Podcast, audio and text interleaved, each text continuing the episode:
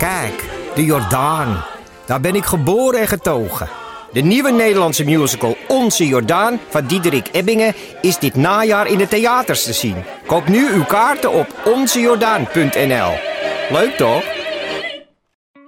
In de podcast Radio Romano met Noortje Veldhuizen Met Marcel van Roosmalen. En met Roelof de Vries. brengen we alle drie elke week een zogenaamde signalering mee. Wat heb jij nou weer bij je? En aan het eind bepalen we wie de winnaar van de week is. Echt een angstcultuur aan het Lege worden. huls die je er bent? Ja, dat gaat eigenlijk altijd onvriendelijk. Luister nu naar Radio Romano bij Podimo. Via podimo.nl slash Radio Romano luister je 30 dagen gratis.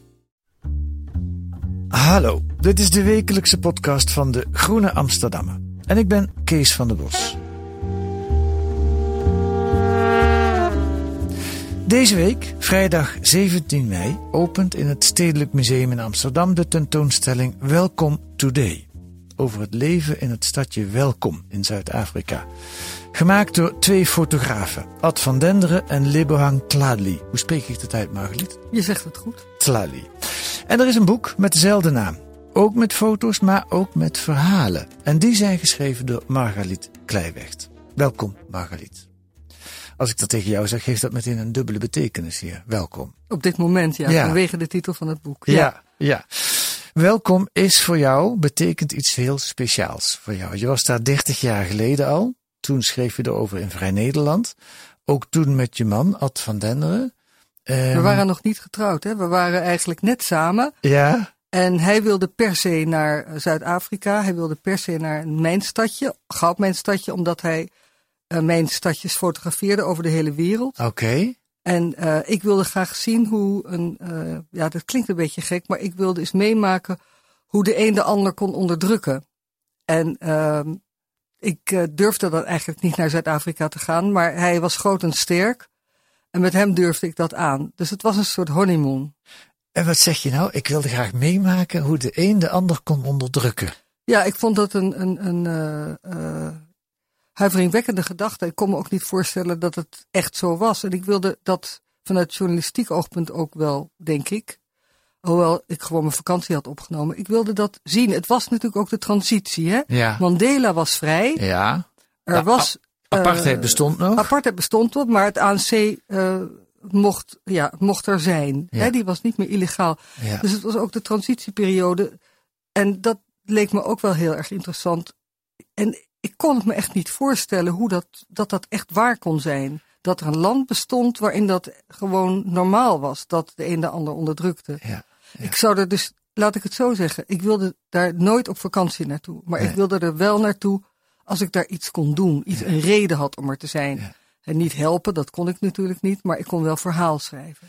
Oké, en je zag het, hoe de zwarte werd onderdrukt door de witte. Ja. En wat voor indruk maakte dat op eh, de jonge Margaliet Kleiweg? Het maakte een diepe indruk. We, waren, eh, we wisten nog niet waar we naartoe gingen. Dat kwam gaandeweg toen we daar waren. Omdat in Welkom was van alles aan de hand. Er waren hele grote, was een hele grote strijd tussen zwart en wit. Tussen de mijnwerkers en de mensen uit het township, Tabong.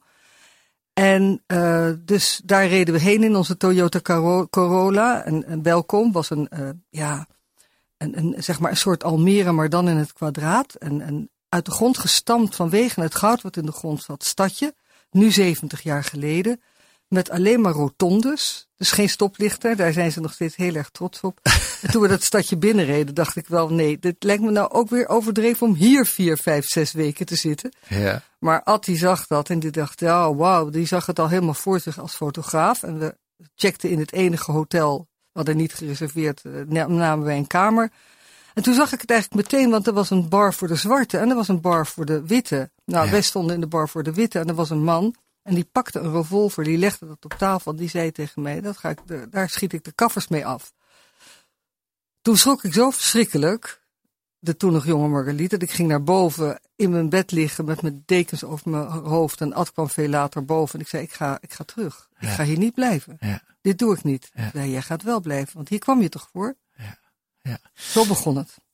Grappig, tien jaar, of grappig, bijzonder. Tien jaar geleden was ik in Zuid-Afrika. Apartheid was al lang afgeschaft, twintig jaar eh, eh, bij, al bijna. Eh, en, en waar ik toen ontzettend van schrok, ik, ging, ik had verwacht dat die onderdrukking min of meer afgelopen zou zijn. Maar ik ben toen eh, op een gegeven moment zelfs op safari in de Zwarte Wijk gegaan. Hoe, hoe, hoe, hoe gênant het ook eigenlijk is, omdat ik in de witte steden waar ik was, kwam ik geen zwarte mens tegen. Alleen in de tuinen van hem. Het was een totale gescheiden wereld. Nog steeds. Maar toen was dat nog ge geïnstitutionaliseerd ja, gescheiden. het was geïnstitutionaliseerd. In Welkom is het ook anders dan in de grote steden op dit moment, maar misschien komen we daar nog ja. Laten we Welkom even neerzetten. Het is in de heartland van uh, Zuid-Afrika, in het binnenland van Zuid-Afrika. In wat je vroeger Oranje Vrijstaat noemde. Ja. Nu is het Vrijstaat. Ja. Uh, en dat, ja, dat is waar de, zeg maar, de boeren, de, de, de blanke boeren na de grote trek neerstreken. Hè? Dat was. Vrijstaat, Oranje Vrijstaat en Transvaal. Ja. Die hebben daar ook echt hun roots, hun, hun zijn daar ontzettend trots op. Die hebben dat land uh, ontgonnen, van alles uh, mee gedaan. En daar ontstond ook de Afrikaner Weerstandsbeweging. Dat was een extreemrechtse organisatie in de jaren tachtig. Ja. Met name met een leider, Ter Blanche, Eugene Ter Blanche. Ja.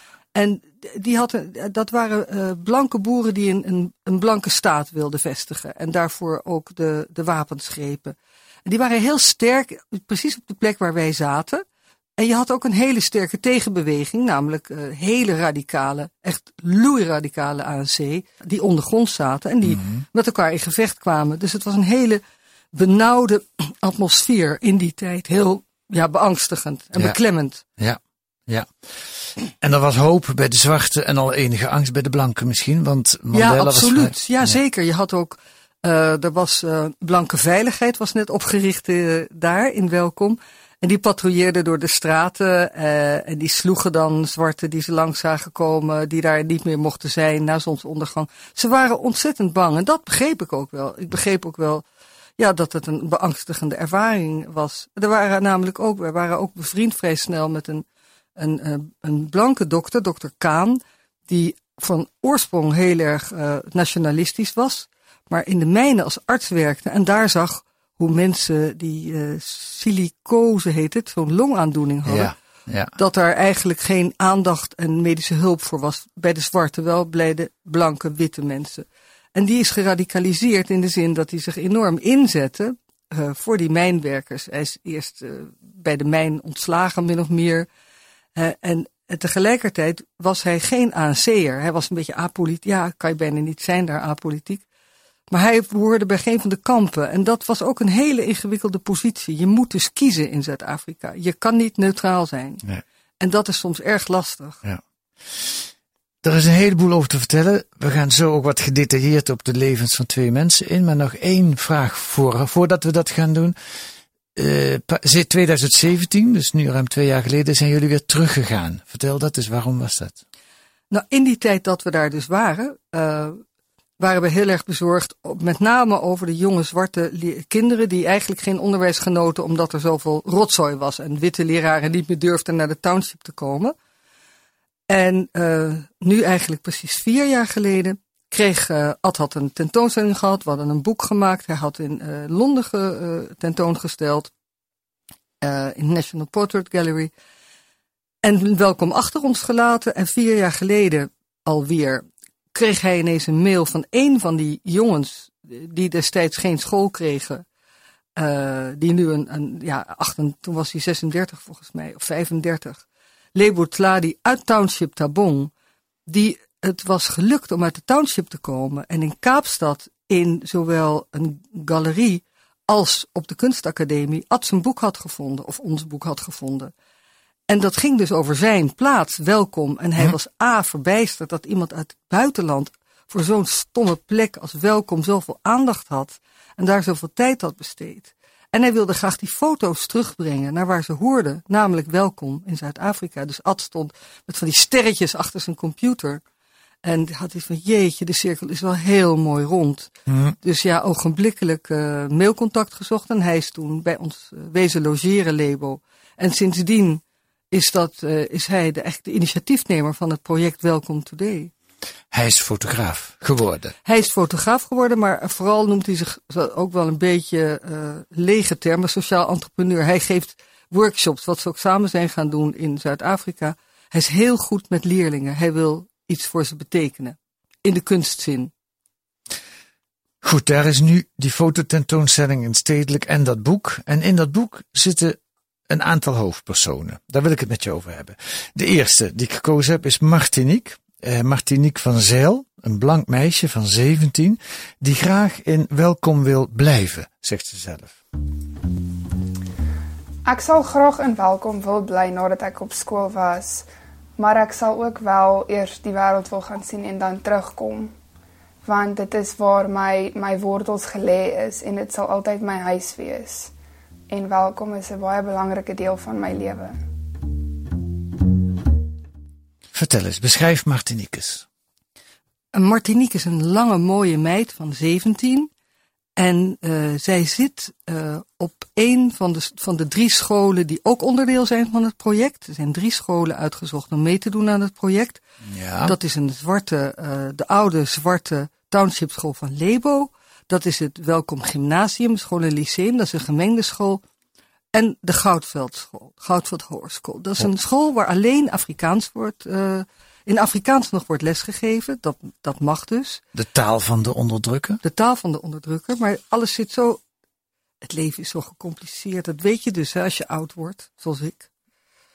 Want daar zitten ook uh, leerlingen inmiddels met een kleurtje die dus ook in het Afrikaans daar lesgeven. Hoe is het verdeeld? Hoeveel het is voor mij heel ingewikkeld om te snappen. Ja, ja. En hoeveel merendeel, is het? het merendeel is wit. Oké. Het zijn echt de kinderen van, voor een groot deel van boerenfamilies die daar, uh, die daar naar school gaan. En Martinique? En Martinique is een van hen. Ja. Uh, zij is uh, een, een, een, een meisje dat graag de wereld zou willen zien. Haar familie, de familie van haar vaders kant, uh, is al, al heel lang in het gebied en heeft daar heel veel boerderijen.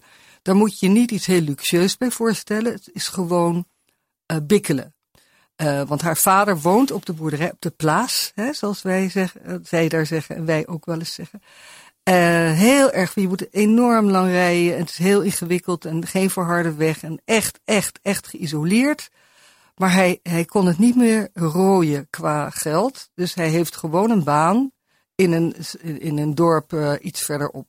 Hm. Uh, hij is ingenieur. Hij heeft ook in het buitenland gewerkt. Dus hij is geen prototype meer van boer. En, maar die en, familie, die witte familie, is wel van oudsher de familie van de onderdrukkers, van de blanken. Dat is zo, maar zo heb ik ze niet, zo benader ik mensen niet hoor. Nee, nee, maar speelt dat voor Martin? Zo zien zij dat ook niet. Dus ik vind dat lastig okay. als het op het individueel niveau gaat. Omdat okay. zij zichzelf niet zo zien. Um, omdat zij het gevoel hebben dat ze altijd het goede hebben gedaan en goed zijn geweest met hun personeel, waar ze nog steeds goed mee zijn. Ook in de tijd van de apartheid. Ja, ik kan dat verder niet. Ook in de tijd. Kijk, ja. je, moet je, niet, je moet niet vergeten dat de vader van Martinique um, is, is, is niet ouder dan 45. Dus die was, uh, die was nog een ja, tiener toen het allemaal afgelopen werd. Hè? Ja. Dus het is al een paar generaties geleden. Ja. Maar wat heel opvallend is, ook. Ik zal even zeggen, zij is dus uh, uh, een schatje. Mm -hmm. Een leuke meid. Op haar toekomst voorbereid. Ze wil heel graag de wereld in. Uh, ze wil heel graag iets verder zien. Maar dan wil ze altijd weer terug naar de plaats waar zij ongelooflijk van houdt. Ze gaat ook elke dag gaat ze uitrijden. Dat mag als je 17 bent op je eigen terrein om foto's te maken. Ze was ook een enorm actief lid van de fotoworkshop. Uitrijden te paard of met nee, een auto? met een auto. Ja. Uh, en er is eigenlijk een van de weinige dingen waar ze, waar ze last van heeft. Dat is dat verleden. Ja. Uh, Martinique ziet geen kleur. Martinique wil helemaal niet erover praten ook. En ze ziet ook geen kleur. Want ik heb, dat, ik heb ze echt maandenlang meegemaakt. En die vindt het ook irritant als ik erover begin. En dan kijkt ze Lebo aan, die zwart is, en dan zegt je, daar heb je er weer, weet je wel. Het is een, echt een, een, een voor haar uh, een gesloten hoofdstuk, maar voor haar vader niet. Ja. Dus dat botst ook, die twee Ja. botsen. Want haar vader, uh, die, zij ziet heel veel, uh, ze is heel optimistisch over de toekomst. Maar haar vader is bang voor een burgeroorlog. Die denkt, oh, dit gaat helemaal mis. Die voelt zich bedreigd. Dat is voor die nieuwe generatie, zeg maar tussen de 15 en de 20 die wij dan uitgebreid hebben gesproken, is dat ontzettend lastig. Want zij zeggen, geef ons onze toekomst. Laten we eens luisteren hoe zij de toekomst ziet. Ek dink die toekoms vir die wit mense in Suid-Afrika is nie baie goed nie. Want daar is mense wat in beheer is van die land wat ons nie wil hê nie. As gevolg van goed wat in die apartheidsera gebeur het. Wat ek dink is onnoosel want hulle was nie eers deel van die apartheidsera gewees nie. En hulle wil ons uitwis want hulle dink alles is ons skuld en dit is nie regverdig nie want net soveel soos wat hulle reg het op die land en om hier te bly, het ons reg op die land en ons hier reg om hier te bly want dit was nog altyd ons huis. Ze ziet de toekomst voor de witte mensen niet goed. Uh, uh, want ze hebben, ze liggen onder, zou je kunnen zeggen. Vertaal ik het zo goed wat zij zegt? Ja, ze is zelf wel optimistisch over haar eigen toekomst, maar dan zegt ze hier in, in het algemeen. Uh, ja, omdat zij verantwoordelijk worden gehouden voor wat er vroeger gebeurd is. Dat vindt ze uh, niet rechtvaardig, omdat zij ook recht heeft om daar te leven. Dat is Ja. het eigenlijk. En om Ja. daar te zijn Ja. en om daar een bestaan op te bouwen. Maar het feit dat ze dat moet zeggen, geeft al aan dat die plaats blijkbaar bedreigd is. Nou, die is ook bedreigd. En dat is het, het, het, het, het, het eh, bizarre in Zuid-Afrika. Iedereen wordt bedreigd. Dat, er is namelijk ook een grote angst op dit moment dat eh zwarte onderling het aan de stok met elkaar krijgen. Er is zo ongelooflijk veel geweld van iedereen tegen iedereen. En zij zegt ook, ik weet niet of je dat fragment laat horen, wat ik ook heel mooi vind van haar, is dat in, in welkom is het nog steeds ongebruikelijk als, als zwart en wit echt met elkaar over straat lopen of eh, eh, met elkaar getrouwd zijn. Ja. In de grote steden is dat gewoon, maar hier Ja. nog niet. Ja. En dan zegt zij ook, als ik over straat loop met een zwarte vriendin, dan wordt er, wordt er en dat vindt ze vreselijk. Laat ik het zo zeggen, zij zit in de mangel. Die jonge generatie zit in de mangel. En dat geldt eigenlijk eh, voor, voor allebei. Die willen eigenlijk af van die politiek. Maar ze kunnen daar niet af, eh, want die politiek is er. En ze kunnen ook niet af van dat verleden. Maar daar wordt dus ontzettend weinig aan gedaan in Zuid-Afrika. Uit de- Aan die verwerking van dat hele pijnlijke verleden. De tijd vliegt. Laten we naar de tweede hoofdpersoon gaan. Hij stelt zichzelf voor. My name is Luato Vincent Mutsatse. I have quite a few nick- nicknames, but the most prominent one is my. They normally call me Blue Blipster. It's my photography name. Um, I am a student at Velkom Gymnasium. Lerato Motsatse. Wie is dat? Hij is eh, ook 17, inderdaad, van het Welkom Gymnasium. Dus ook een van de drie scholen waar Atelier de workshops gaven. Ja. En eh, hij, eh, hij ziet eruit als een, als een kleine eh, eh, Obama met een brilletje. Eh, leuk om te zien. En eh, nou, eh, hij neemt het leven makkelijk, heeft veel vrienden, kan alles, eh, weet alles. eh. maar als je naar zijn verleden kijkt, dan sla je echt stijl achterover. Want zijn vader, eh, die, die was nog een van de mensen, een van de knechten op zo'n plaats. Ja, dat vond ik indrukwekkend. Die heeft echt een verschrikkelijk veel dingen meegemaakt in zijn leven. Ja. En het ingewikkeld, nou, dus die vader en die moeder, die hebben nog een enorm ingewikkeld verleden. Die hebben zich daar uitgeworsteld. Die doen het heel erg goed. Zij waren een van de eerste families die van de township naar de gewone stad trokken. Wat mocht na de, eh, nadat de apartheid was opgeheven. Eh, en tegelijkertijd vertrouwen zij het regime van nu helemaal niet. En zeggen zij, ja, dit gaat helemaal mis als het zo doorgaat. En ons land gaat naar de knoppen. En we hebben een witte leider nodig, want zelf kunnen wij dat niet. Daar komen we zo nog op. Ik wil eerst laten horen van Lerato wat zo typisch is voor hem, vind ik. Moet jij maar zeggen of dat klopt. Nou, hij zegt het zelf. Luister. D- discipline is actually one of my main priorities and one of my main qualities. I I focus on discipline a lot in everything that I do, from my photography to my schoolwork to my art. Serieuze jongen. Maar de- je haalt de essentie eruit. Absoluut. En dit is eh, wat je vaak terug hoort ook. Maar hij, eh, hij, staat dus ook elke dag om, om vijf uur op. Gaat om half zes naar de bus. Die discipline is zijn alles. En die discipline relateert hij. Wat, ook, wat je ook heel vaak ziet, relateert hij. En heel veel andere leerlingen hadden dat ook. Aan geloof. Eh, want eh, God is daar een verschrikkelijk belangrijke component in het leven van mensen. Eh, als troost, maar ook als richtlijn. Als je nou maar doet wat God zegt, dan komt het goed. En hij is daar een heel mooi voorbeeld van. Hij zou er echt niet zonder kunnen, terwijl hij ook een hipster is. Ja, En dat, dat, dat is zo mooi en ontroerend op de een of andere manier. Eh, ze halen de hoop van buiten. uit de godsdienst, Het denk is, ik dan. het is zo zwaar leven daar. Ja, ja. Ik zou het ook doen. Ik zou ook totaal daarin meegaan, omdat je hebt hulp nodig. Ja.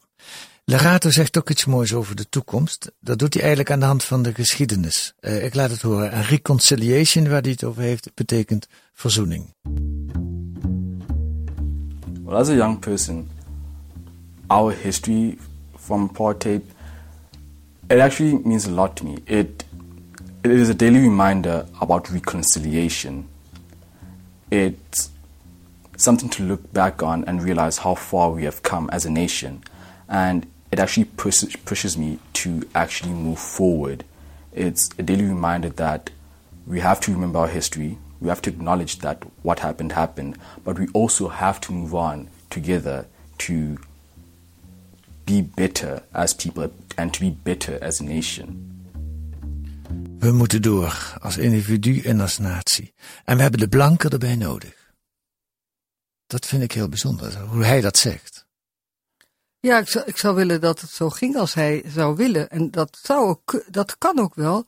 Maar dan moet je toch het verleden eerst verder. eh, dat die, de, zeg maar de, de Waarheids- en Verzoeningscommissie heeft gewoon niet genoeg gedaan om het verleden te verwerken en een plek te geven. Om zo'n vreselijke uitdrukking te Ja, gebruiken. dat leek zo ideaal, hè, die waarheid en verzoeningscommissie. Maar wat jij nu aangetroffen hebt, wat jij beschrijft, is dat toch niet afdoende geweest. Nee, er wordt gewoon, het, het is nog steeds daar in ieder geval een onderwerp. Het is onbespreekbaar. En er, is- er is nu wel een regeringscommissie die wil dat geschiedenis weer terug in het curriculum komt. Want dat is er bijna niet. Eh, en en eh, ik denk inderdaad dat, eh, zeg maar, zoals Duitsland met de Tweede Wereldoorlog, ver na die Tweede Wereldoorlog weliswaar is omgegaan, dat dat een voorbeeld is voor Zuid-Afrika. Je zou willen dat ze daar met elkaar in gesprek over gaan. Ja. De Duitsers hebben erkennen als natie, als, als, Het is als- niet alleen erkennen, ze, zijn, ze hebben er ook zoveel mee gedaan. Ze Wat? zijn echt heel veel films gaan maken, discussies. eh, eh, het, het, was verplicht op school om erover te praten. Dat, dat, ja, ik, en dat gebeurt. Ze zijn er als de dood voor Ja. nu, om erover Ja. te praten. Want Ja. je weet, ze kunnen het niet hanteren. ja, maar Duitsland kon dat ook niet meteen na Nee. de oorlog. En, en misschien dat ze, dat ze nog wat tijd nodig hebben voordat ze dat in Zuid-Afrika ook. Ja, dat zou heel goed kunnen. Ja. ja. Margriet Kleiweg, dankjewel voor dit gesprek. In het dubbeldikke onderwijsnummer van De Groene van deze en vorige week staat ook een artikel over de middelbare scholen in Welkom van Margaliet Kleiwecht. En verder een, nog veel meer reportages en achtergrondartikelen over bijvoorbeeld scholen in China, Italië en Amerika. En een reportage over het multicultureel succes van de Haagse Johan de Wit scholengroep, die van probleemschool excellent werd. Het boek Welcome Today wordt uitgegeven bij Atlas Contact en Paradox. Is van Margaliet Kleiwekt, Ad van Denderen en Lebo Tlali. En dan is er natuurlijk die tentoonstelling in het Stedelijk vanaf vrijdag 17 mei. Dit was weer de podcast van de Groene Amsterdammer voor deze week. Volgende week zijn we er weer. Wilt u een proefabonnement op De Groene? Ga dan naar groene.nl. U krijgt dan 10 weken De Groene voor 15 euro. Deze week werd De Groene podcast gemaakt door Jan Daalder en Kees van der Bos. En de muziek is A Tune for N van Paul van Kemenade.